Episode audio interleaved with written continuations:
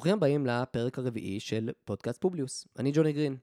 אנחנו נמשיך את הדיון מהפרק הקודם, אה, בניתוח אה, של פרק 3 של סדרת שופטים בשר ודם, אה, מה שאנחנו קוראים לו שופטים מחרסינה. אנחנו סיימנו את הפרק הקודם בסוגיית קלפי המיקוח. הפרק הזה הוא המשך ישיר של הפרק אה, אה, הקודם, ובעצם שני הפרקים הללו עוסקים אה, בפרק 3 של סדרת שופטים בשר ודם. אז הנה, אנחנו ממשיכים בדיוק איפה שעצרנו. אמ, הסוגיה הבאה שהפרק עוסק בה, זה תביעת הפיצויים של מוסטפא דיראני. אחד מאותם קלפי מיקוח שנידון בסוגיה הקודמת, הוא מחבל חיזבאללה די בכיר בשם מוסטפא דיראני. עכשיו, לאחר שהוא משוחרר בעסקת שבויים, אגב, הוא בעצם כן אה, ממשיכים, צה"ל ממשיך להחזיק אותו, כי אה, לגביו כן אה, נקבע שהייתה לו חזקת מסוכנות, אז הוא לא שוחרר במסגרת הקלפי מכוח וכולי, אבל לאחר שהוא משוחרר בעסקת שבויים, הוא חוזר ללבנון, הוא מצטרף חזרה לחיזבאללה, והוא ממשיך לעסוק בטרור נגד ישראל. אממה, בו בזמן, מוסטפא דיראני מחליט לתבוע פיצויים ממדינת ישראל בתביעה נזיקית. כן, כלומר, הוא אומר, ישראל פגעה בי, עשתה בי דברים אה, אה, רעים אה, בזמן שהיא החזיקה בי, ובזמן שהייתי במאסר וכולי, ולכן אני תובע איזשהו סכום כסף מכובד על הנזק שנגרם לי. כן, סטנדרטי. עכשיו, היו בעצם שני סבבים לסיפור הזה. בהתחלה, בית המשפט העליון התיר לדיראני להתקדם עם התביעה שלו, ולאחר מכן, בדיון הנוסף, העליון הפך את ההחלטה הזאת ודחה את התביעות של דיראני על הסף. הוא בעצם לא אפשר לו אה, לתבוע את המדינה אה, אה, בנזיקין. אה, אז כמו שכבר התרגלנו, וזו ביקורת, אני חושב, די עקבית שלי כאן בפרק הזה, גם הסדרה וגם השופטים עצמם פשוט לא מעוניינים לדון בשאלה המשפטית כאן. אה, הכל ברמת הסיסמאות והאידיאולוגיה הדוגמטית והפשטנית, זה כאילו, זה הכל נורא דרמטי, אבל אף אחד לא מוכן להיכנס לקישקס. אה, שמה באמת קורה פה ברמה המשפטית. אני חושב שיורם דנציגר פה, השופט יורם דנציגר נותן לנו דוגמה מצוינת, ואנחנו ניכנס אליה עכשיו. בשלב מסוים בדיון הזה על מוסטפא דיראני, אה, דנציגר קובע ככה בנחרצות, הוא אומר, ציטוט, דיראני זה הכי פשוט לפסוק. אדם נפגע על ידי מדינת ישראל. הוא יכול להיות כל אחד. דלתות בית המשפט צריכות להיות פתוחות לכל מי שנפגע על ידי מדינת ישראל. עכשיו, בסוגריים אני אומר, סוף ציטוט, כן, זה היה אה, השופט דנציגר. סגור, אה, אה, בסוגריים אני אומר, תראו שוב את השפה, כן? הוא אומר, דלתות בית המשפט צריכות להיות. מה זה צריכות? או שהדין פתח את דלת בית, בית, בית, בית המשפט, או שהדין אה, אה, סגר אותם. כלומר, יש אלף סיבות בגללן דלתות בתי המשפט נסגרות באופן אה, תדיר, כן? יש היעדר סמכות עניינית, או היעדר סמכות מקומית, יש אה, התיישנות אה, דיונית או מהותית וכולי וכולי. אז בעצם אה, אה, באופן קבוע, זה לא איזה משהו חריג שדלתות בית המשפט אה, נסגרות, כן? זה יכול לקרות, זו שאלה משפטית. אה, אבל הנה שופט שמסרב לעסוק בשפיטה, ובמקום זאת הוא עוסק במה צריך להיות. עכשיו, מי שהוביל את פסק הדין בדיון הנוסף, כלומר מי שהוביל את פסק הדין נגד לאפשר את התביעה של דיראני, כלומר לדחות את התביעה של דיראני, היה השופט אשר גרוניס. עכשיו, משום מה, השופט גרוניס בכלל לא מרואיין, או הוא לא משודר לפחות בקטע הזה שדן בסוגיה הזאת של מוסטפא דיראני. ההתייחסות היחידה היא הערה די מזלזלת מצד דנציגר, שכדאי להתעמק ברגע. דנציגר מתייחס לגרוניס, ואומר לגבי גרוניס שהוא, ציטוט, אימץ את הכלל של, של המשפט האנגלי מלפני 200 שנה, שהחליט שלא מאפשרים לאויב לתבוע. אני לא מסכים לגישה הזאת. סוף ציטוט. זה מה שאמר דנציגר לגבי גרוניס. הוא אומר על גרוניס, נו, גרוניס הזה הוא כזה משפטן מיושן, הוא לקח איזה כלל משפטי אה, אה, אה, אנגלי והחיל אותו כאן, הוא כזה, אני יודע, אה, שמרן, אה, נרגן, טרחן, אני יודע, אוקיי. בואו נפרק רגע את המשפט התמוה הזה מכמה כיוונים. קודם כל, קצת מבאס לראות שופט מלומד שמנפנף הצידה כלל משפטי בין 200 שנה. כאילו, זה שהוא אה, ישן אה, פוגע בתוקף או בהצדקה שלו, משהו כזה. הרי אה, כללי כריתת חוזה של הצעה וקיבול וכולי וכולי, הם לפחות בני 100 שנה, כן? וכנראה הרבה הרבה יותר, כשמסתכלים על משפט הרומי וכולי, כן? רוב הכללים של המשפט המינהלי שאנחנו משתמשים בהם הם בני מאות שנים. אה, אבל למה, למה ללכת לשם? הרי צו הביאס קורפוס, כן, שהוא אחד מכללי היסוד של משפט פלילי בכל חברה אה, אה, חופשית, הוא כלל של המשפט האנגלי מלפני כמעט 900 שנה. כן, אז אני לא בכלל מבין מה דנציגר מנסה לומר, למה הוא, מה זה הקטע המזלזל הזה, כאילו של כלל משפטי מלפני 200 שנה, זה משהו, אני יודע, לדחות או לזלזל בו. עכשיו, בואו נבין במה בכלל עוסק פסק הדין הזה, ועד כמה דנציגר מטעה אותנו עם הציטוט שלו. אכן, יש כלל משפטי במשפט המקובל, במשפט האנגלי, אה, לפיו יש למדינה חסינות מפני תביעות נזיקיות של אויבים המעורבים במלחמה, במלחמה נגדה.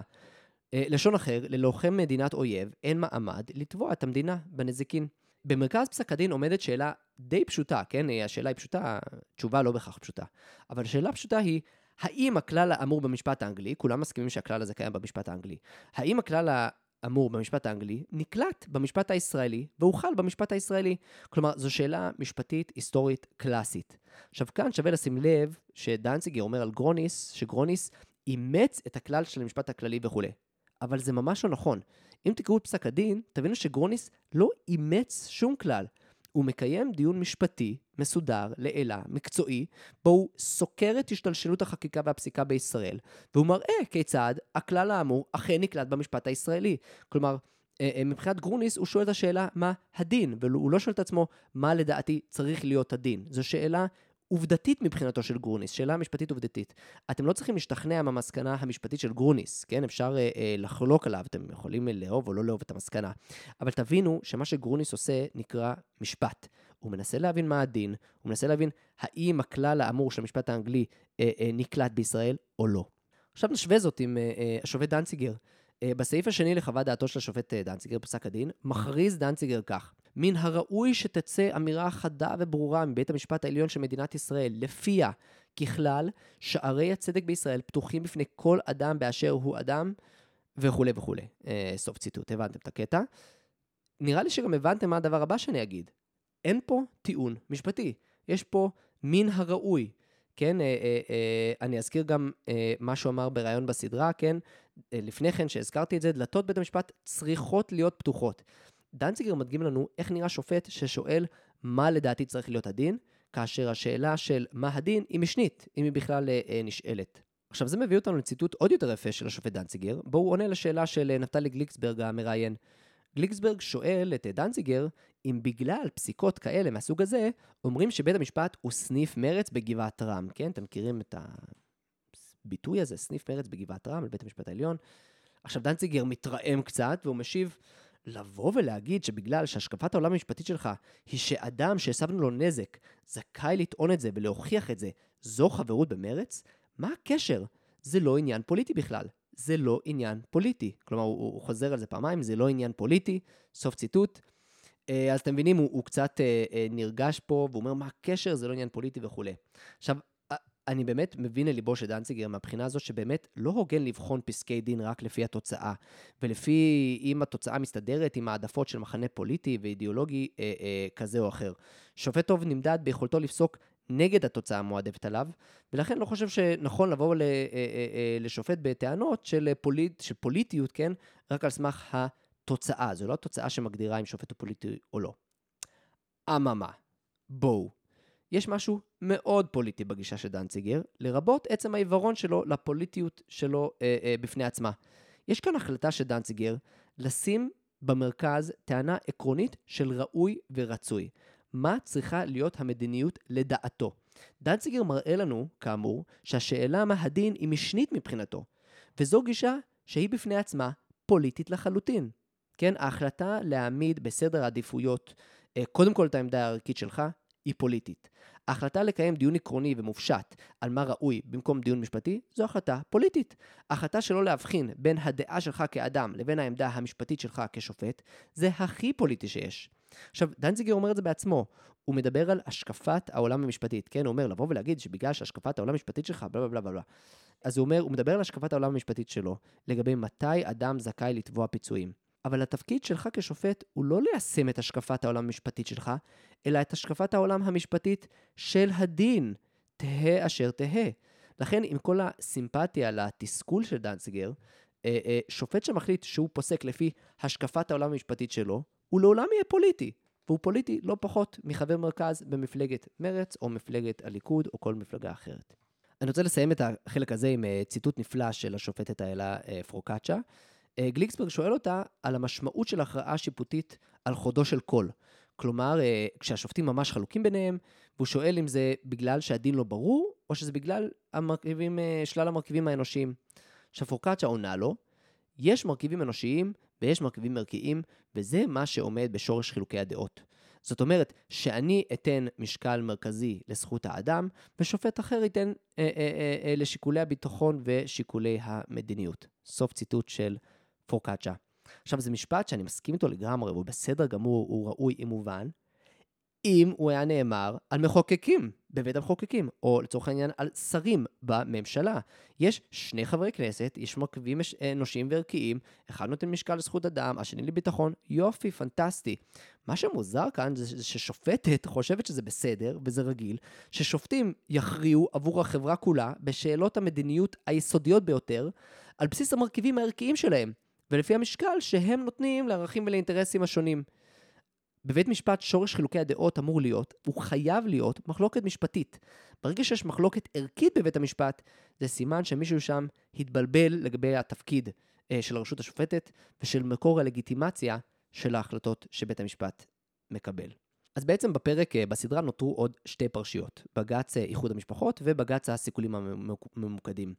עכשיו לגבי עניין הסיכולים הממוקדים, אין כאן יותר מדי מה לומר, שלא כבר נאמר, לכן אני אוותר עליו, אני לא אהיה אה, סופר רפטטיבי, אני כבר רפטטיבי יותר מדי. אמ, אני אומר רק שלא ברור לי כל כך למה כללו אותו בפרק הזה לכתחילה. אה, בכל מקרה, אנחנו נסיים את הפרק שלנו עם דיון בסוגיית איחוד המשפחות, שזו כאמור הסוגיה השנייה לאחרונה בעצם בפרק אה, בסדרה של שופטים בשר ודם. אמ, אז אנחנו מדברים על בג"ץ איחוד משפחות. מדובר בפרשה מפורסמת נוספת, פסק דין שנהוג לכנות אותו בג"ץ איחוד משפחות. בתחילת שנות האלפיים, יש את האינתיפאדה השנייה, כן, אנחנו מכירים, אה, חלקנו זוכרים, יש אה, שורה של פיגועים בהם מעורבים פלסטינים שקיבלו אזרחות ישראלית באמצעות איחוד משפחות. מה זה אומר איחוד משפחות? איחוד משפחות, איחוד משפחות זה אומר, לדוגמה, אה, אם ערבייה ישראלית מתחתנת עם תושב פלסטיני, אותו תושב לבסוף יכול לקבל תושבות ואזרחות ישראלית. אז ב... שיא גל הפיגועים הזה, ובאמצע, בעצם אה, בתחילת האינתיפאדה אה, השנייה, אה, הכנסת מחוקקת חוק, שבעצם אומר שכל עוד שאנחנו בעימות מזוין, במלחמה עם הרשות הפלסטינית, אנחנו לא נעניק אזרחות ישראלית לפלסטינים שנישאים לבני זוג ישראלים. נראה לי שזה מספיק ברור. כמובן שעתרו נגד החוק הזה לבג"ץ, וככה אנחנו מתגלגלים לדיון המשפטי שכאן. עכשיו, אנחנו לא ניכנס לכל נבחי הסוגיה הזאת, היא די מורכבת, יש פה כל מיני שאלות, צריך להבין שהנושא הוא באמת יותר מורכב ממה שנראה במבט ראשון. אה, אה, נגיד, המדינה הדגישה מאוד את ההיבט הביטחוני של מניעת פיגועים, ובכלל לא הזכירה שיקולים רחבים יותר. אה, על אף זאת, ברור שניתן בקלות לטעון שהחוק נועד להשיג תוצאה דמוגרפית של שמירה על רוב יהודי, מניעת הגירה פלסטינית. בעצם יש כאן מאבק ארוך שנים. אה, אה, אה, בין קבוצות אתניות שונות וכולי. בין היתר הוא מוכרע על בסיס דמוגרפיה ואוכלוסייה באזורים גיאוגרפיים שונים, ובנסיבות כאלה, איחוד משפחות מהווה סוג של זכות שיבה זוחלת. כן, ככה אני אומר, הולך הטיעון.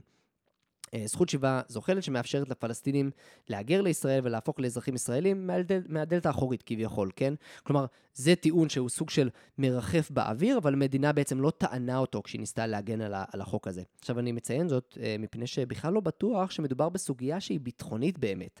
הרי זו שאלה כללית הרבה יותר של מדיניות אה, הגירה, כאמור, כן? בשמירה על צביונה היהודי של מדינת ישראל וכולי. אה, יש, יש לזה אגב גם ביטוי אה, בפרק עצמו, כשמדברים על השיקולים הדמוגרפיים מאחורי החקיקה. בכל מקרה, לבסוף בית המשפט דוחה את העתירות האלה הוא, והוא מאשר את החוק.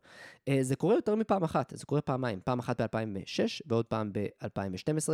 בשתי הפעמים הללו העתירה נדחית על חודו של קול, שש שופטים נגד חמש שופטים, כלומר, שישה שופטים נגד חמישה שופטים, מספיק ששופט אחד היה משנה דעתו, והעתירה הייתה מתקבלת, החוק היה אה, בטל, ואכן היה, אה, ואכן היה משתנה כל מדיניות ההגירה בנושא הזה. אה, כרגיל, הפרק הזה מעניק לנו כל מיני פניני חוכמה מצד השופטים, ואנחנו עכשיו נעבור על כמה מהן כעת. כאמור, זו הסוגיה האחרונה שאנחנו נעסוק בה בפרק הזה. אה, כמובן שקודם כל מציגים לנו את התמונה הקבועה שאליה התרגלנו של איזון ערכים. השופטת פרוקצ'ה, שהיא הכוכב פה במופע, מסבירה לנו, יש פה ביטחון מול זכות למשפחה, שהיא אולי הזכות הכי חשובה של האדם. סוף ציטוט. אני רוצה לחזור למשפט הזה של השופטת פרוקצ'ה. יש פה ביטחון מול זכות למשפחה, שהיא אולי הזכות הכי חשובה של האדם. עכשיו, לגבי, אה, סוף ציטוט, לגבי איזון ערכים על ידי שופטים, חפרתי מלא, אה, אני לא אחזור על זה עוד כרגע, מלבד להצביע שוב על הבלבול העצום הזה. תפקיד השופט הוא לא לעסוק באיזון ערכים, אלו הציבור ונציגיו שמאזנים את הערכים, ושהם מחוקקים את ההחלטה אה, אליה הם הגיעו. זו, זו בעצם ההכרעה של איזון הערכים. אבל נראה לי מעניין לא פחות העניין פה גם עם זכות המשפחה. הרי בפרק הזה אנחנו לא עוסקים בשיח, בשיח הזכויות, ובביטויים שלו בישראל, אה, במושג האמורפי הזה של זכויות האדם, איך מנצלים אותו כדי לקדם כל מדיניות שנראית לשופט נכונה, זה לא הנושא שלנו היום. ובכל זאת האמירה הזאת של פורקאצ'ה נותנת לנו איזשהו טיזר, אה, איזשהו חלון לתוך אה, העולם הזה ועולם הזכויות. אז קודם כל, מאיפה הבאנו את הזכות המשפחה? לא, אתם מכירים זכות כזאת? כלומר, באיזה חוק, קודם כל, אפשר למצוא את הזכות הזאת?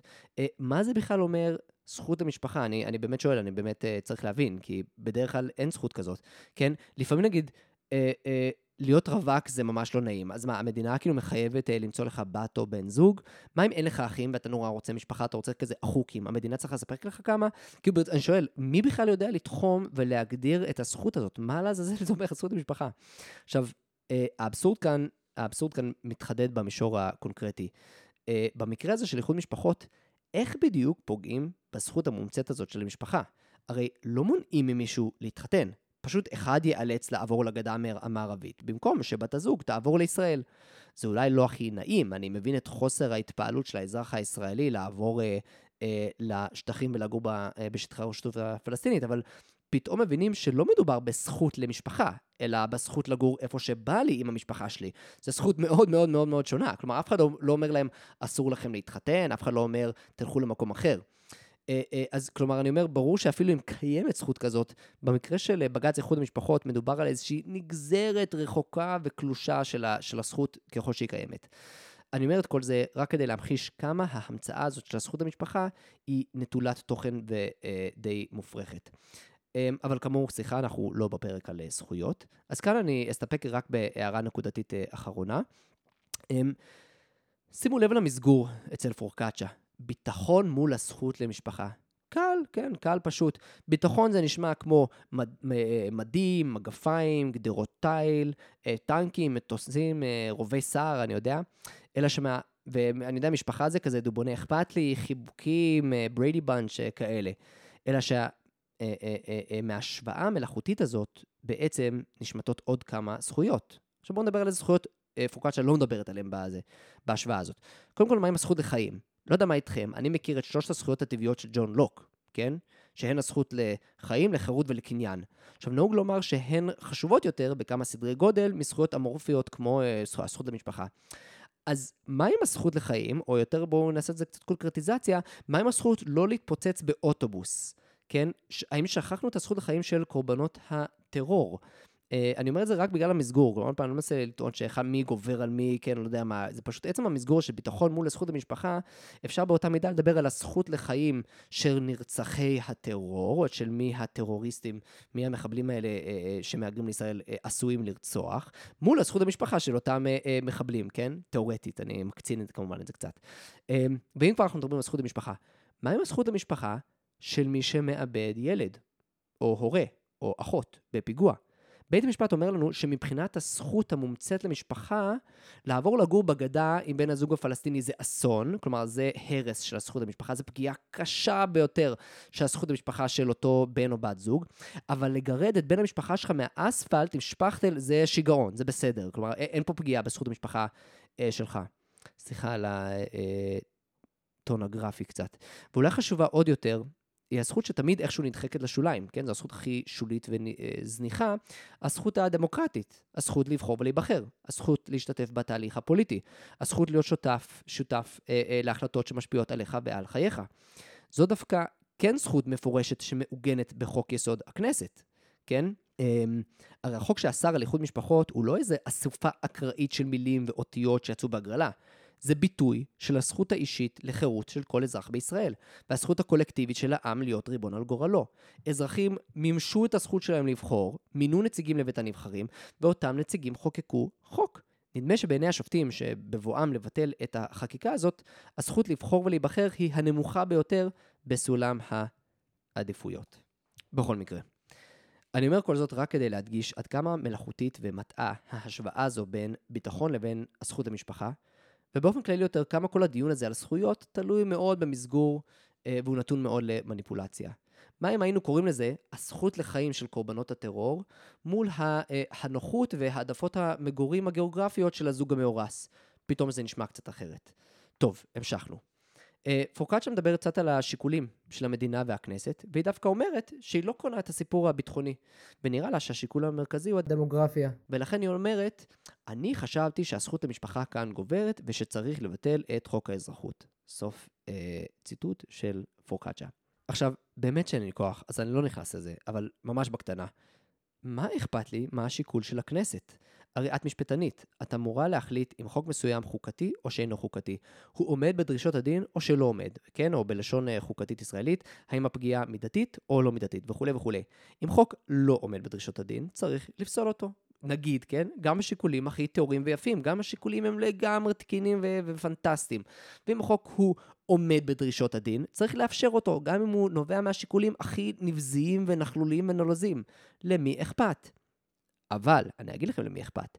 אם אתה לא בא לעסוק בשפיטה, אלא אתה בא לכפות אה, תפיסת עולם, אז דווקא מאוד כן אכפת לך מה השיקולים. וכאן פורקצ'ה בעצם מודה בין השורות, להבנתי, היא אומרת, השיקולים מעניינים אותי בגלל שאני לא רק שופטת שמכילה את הדין, אני קומוסרית מוסר, אני כהנת דת. ולכן ככהנת דת, אה, כוונות הלב הן כן חשובות, כן? גם השיקולים הפנימיים והמצב הנפשי הם חשובים, בלי שום קשר למבחן התוצאה. המשכנו. עכשיו, אה, בסוג של קינוח, השופט אהרן ברק מעניק דוגמה מצוינת כרגיל של איזון ערכים שיפוטי שפשוט גובר על איזון ערכים של הכנסת. וזה הציטוט מאהרן ברק. אה, הוא שואל, האם התועלת החברתית במניעת כניסה לישראל של 24 איש שקולה כנגד הנזק החברתי שנגרם לזכות לאיחוד משפחות של כמה אלפים? ואני חשבתי, ככה אה, ציטוט מברק, שבנסיבות של המקרה, הפגיעה בהורים, הפגיעה בילדים, היא לא שקולה כנגד היתרון הזה שה-24 האלה אינם. עכשיו עזבו שנייה, זה איזון ערכים קלאסי, כן? אבל הכנסת חשבה אחרת. הכנסת חשבה שהפגיעה היא דווקא כן שקולה כנגד היתרון. למה הגרסה שלך, של אהרון ברק, עדיפה על הגרסה של הכנסת, של איזה תועלת חברתית עולה על השנייה, כן? אה, אה, מניעת כניעה, כניסה לישראל של 24 איש שהם היו, בסוף יצאו להיות מחבלים, כנגד הנזק החברתי שנגרם לזכות לאיחוד משפחות. הכנסת החליטה מה היא מעדיפה. בכל מקרה, עכשיו אנחנו באמת מגיעים למשפט לפנתיאון של אה, השופט אהרן ברק. ופה הוא אומר לנו, הוא מצטט את עצמו מתוך פסק הדין, הוא אומר את זה כלומר גם בתוך פסק הדין וגם בריאיון עצמו לפרק בסדרה, הוא אומר, דמוקרטיה צריכה לקחת סיכונים. משפט אלמותי לדעתי של אה, אהרן ברק, דמוקרטיה צריכה לקחת סיכונים. תנו לזה לשקוע שנייה. עכשיו, אני מקווה שאתם עושים עכשיו את הקישור לטיזר שהשמעתי לכם בתחילת הפרק הקודם. כלומר, כשהתחלנו להתעסק אה, בהתחלה עם הפרק הזה של בשם הביטחון, כששמעתי את המשפט הזה של ברק, ישר חשבתי כמובן על הסרט uh, שרק. בסרט שרק, הנסיך צ'ארמינג שולח uh, כל מיני uh, אבירים להציל את, ה, להציל את הנסיכה פיונה, והוא מסביר לחיילים שלו uh, בפאתוס, כן, Some of you may die, but it's a sacrifice I am willing to make. בואו נשמע את זה עוד פעם uh, מפיו של פרינס צ'ארמינג. Some of you may die, but it's a sacrifice I am willing to make. עכשיו זה כל כך הזכיר לי בדיוק את מה שברק אומר פה. דמוקרטיה צריכה לקחת סיכונים. עכשיו, אם נתייחס רגע, זה סתם משעשע וכמובן גם מעציב אותי, אה, כי כמובן אה, אה, הסיכון הוא על מישהו אחר ולא על מי שמקבל את ההחלטה בפועל. אם נתייחס רגע לטיעון לגופו של ברק, צריך, צריך לומר שברק צודק ב-100%. דמוקרטיה צריכה באמת לקחת סיכונים, וזה קשה, דמוקרטיה לקחת סיכונים כל הזמן, גם בענייני ביטחון, אז הוא צודק לחלוטין. אלא שהשאלה היא מי קובע מתי ואיך מסתכלים. אולי הציבור שמשלם את המחיר של הסיכונים הללו, הוא צריך להיות מי שקובע את הסיכונים באמצעות הנציגים שלו?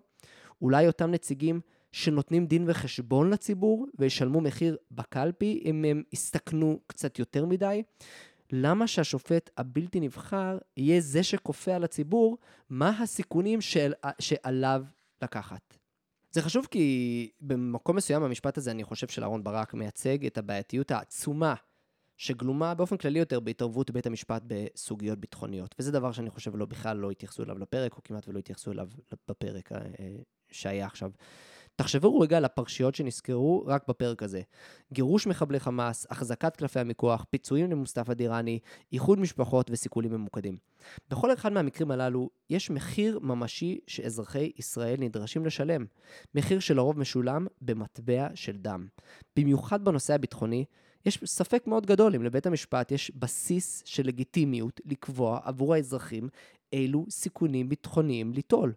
חשוב מכן, כשסיכונים אלו מתפוצצים לישראלים בפנים, לפעמים, לפעמים ממש, לצערי מילולית, מתפוצצים לישראלים בפנים, לשופטים יש אפס אחריותיות והם לא נותנים על כך דין וחשבון לאיש. בכמעט כל הפרשיות הביטחוניות בהן עוסק, עוסק בג"ץ, זה בעצם המסר בין השורות. חלק מכם עלולים למות, אבל זהו קורבן שאני מוכן שתישאו בו. אחרי כל זה, הפרק מביא לנו את העמדה של אשר גרוניס, שהיא שופכת מים קרים על כל פלפולי הזכויות ובלבולי המוח של שופטי המיעוט. גרוניס מעז להציג את ה-common sense, את מה שכמעט כל אחד ואחד יודעים. וזה ציטוט מגרוניס, אין אח ורע בהיסטוריה למצב בו קיים עימות צבאי, שבו אחד הצדדים מאפשר כניסה בלתי מבוקרת של אזרחים של הצד השני. הוא בעצם אומר להם, תגידו, החלקתם על השכל? מה נסגר איתכם? אתם בעיצומה של מלחמה, בעיצומה של מלחמה עקובה מדם.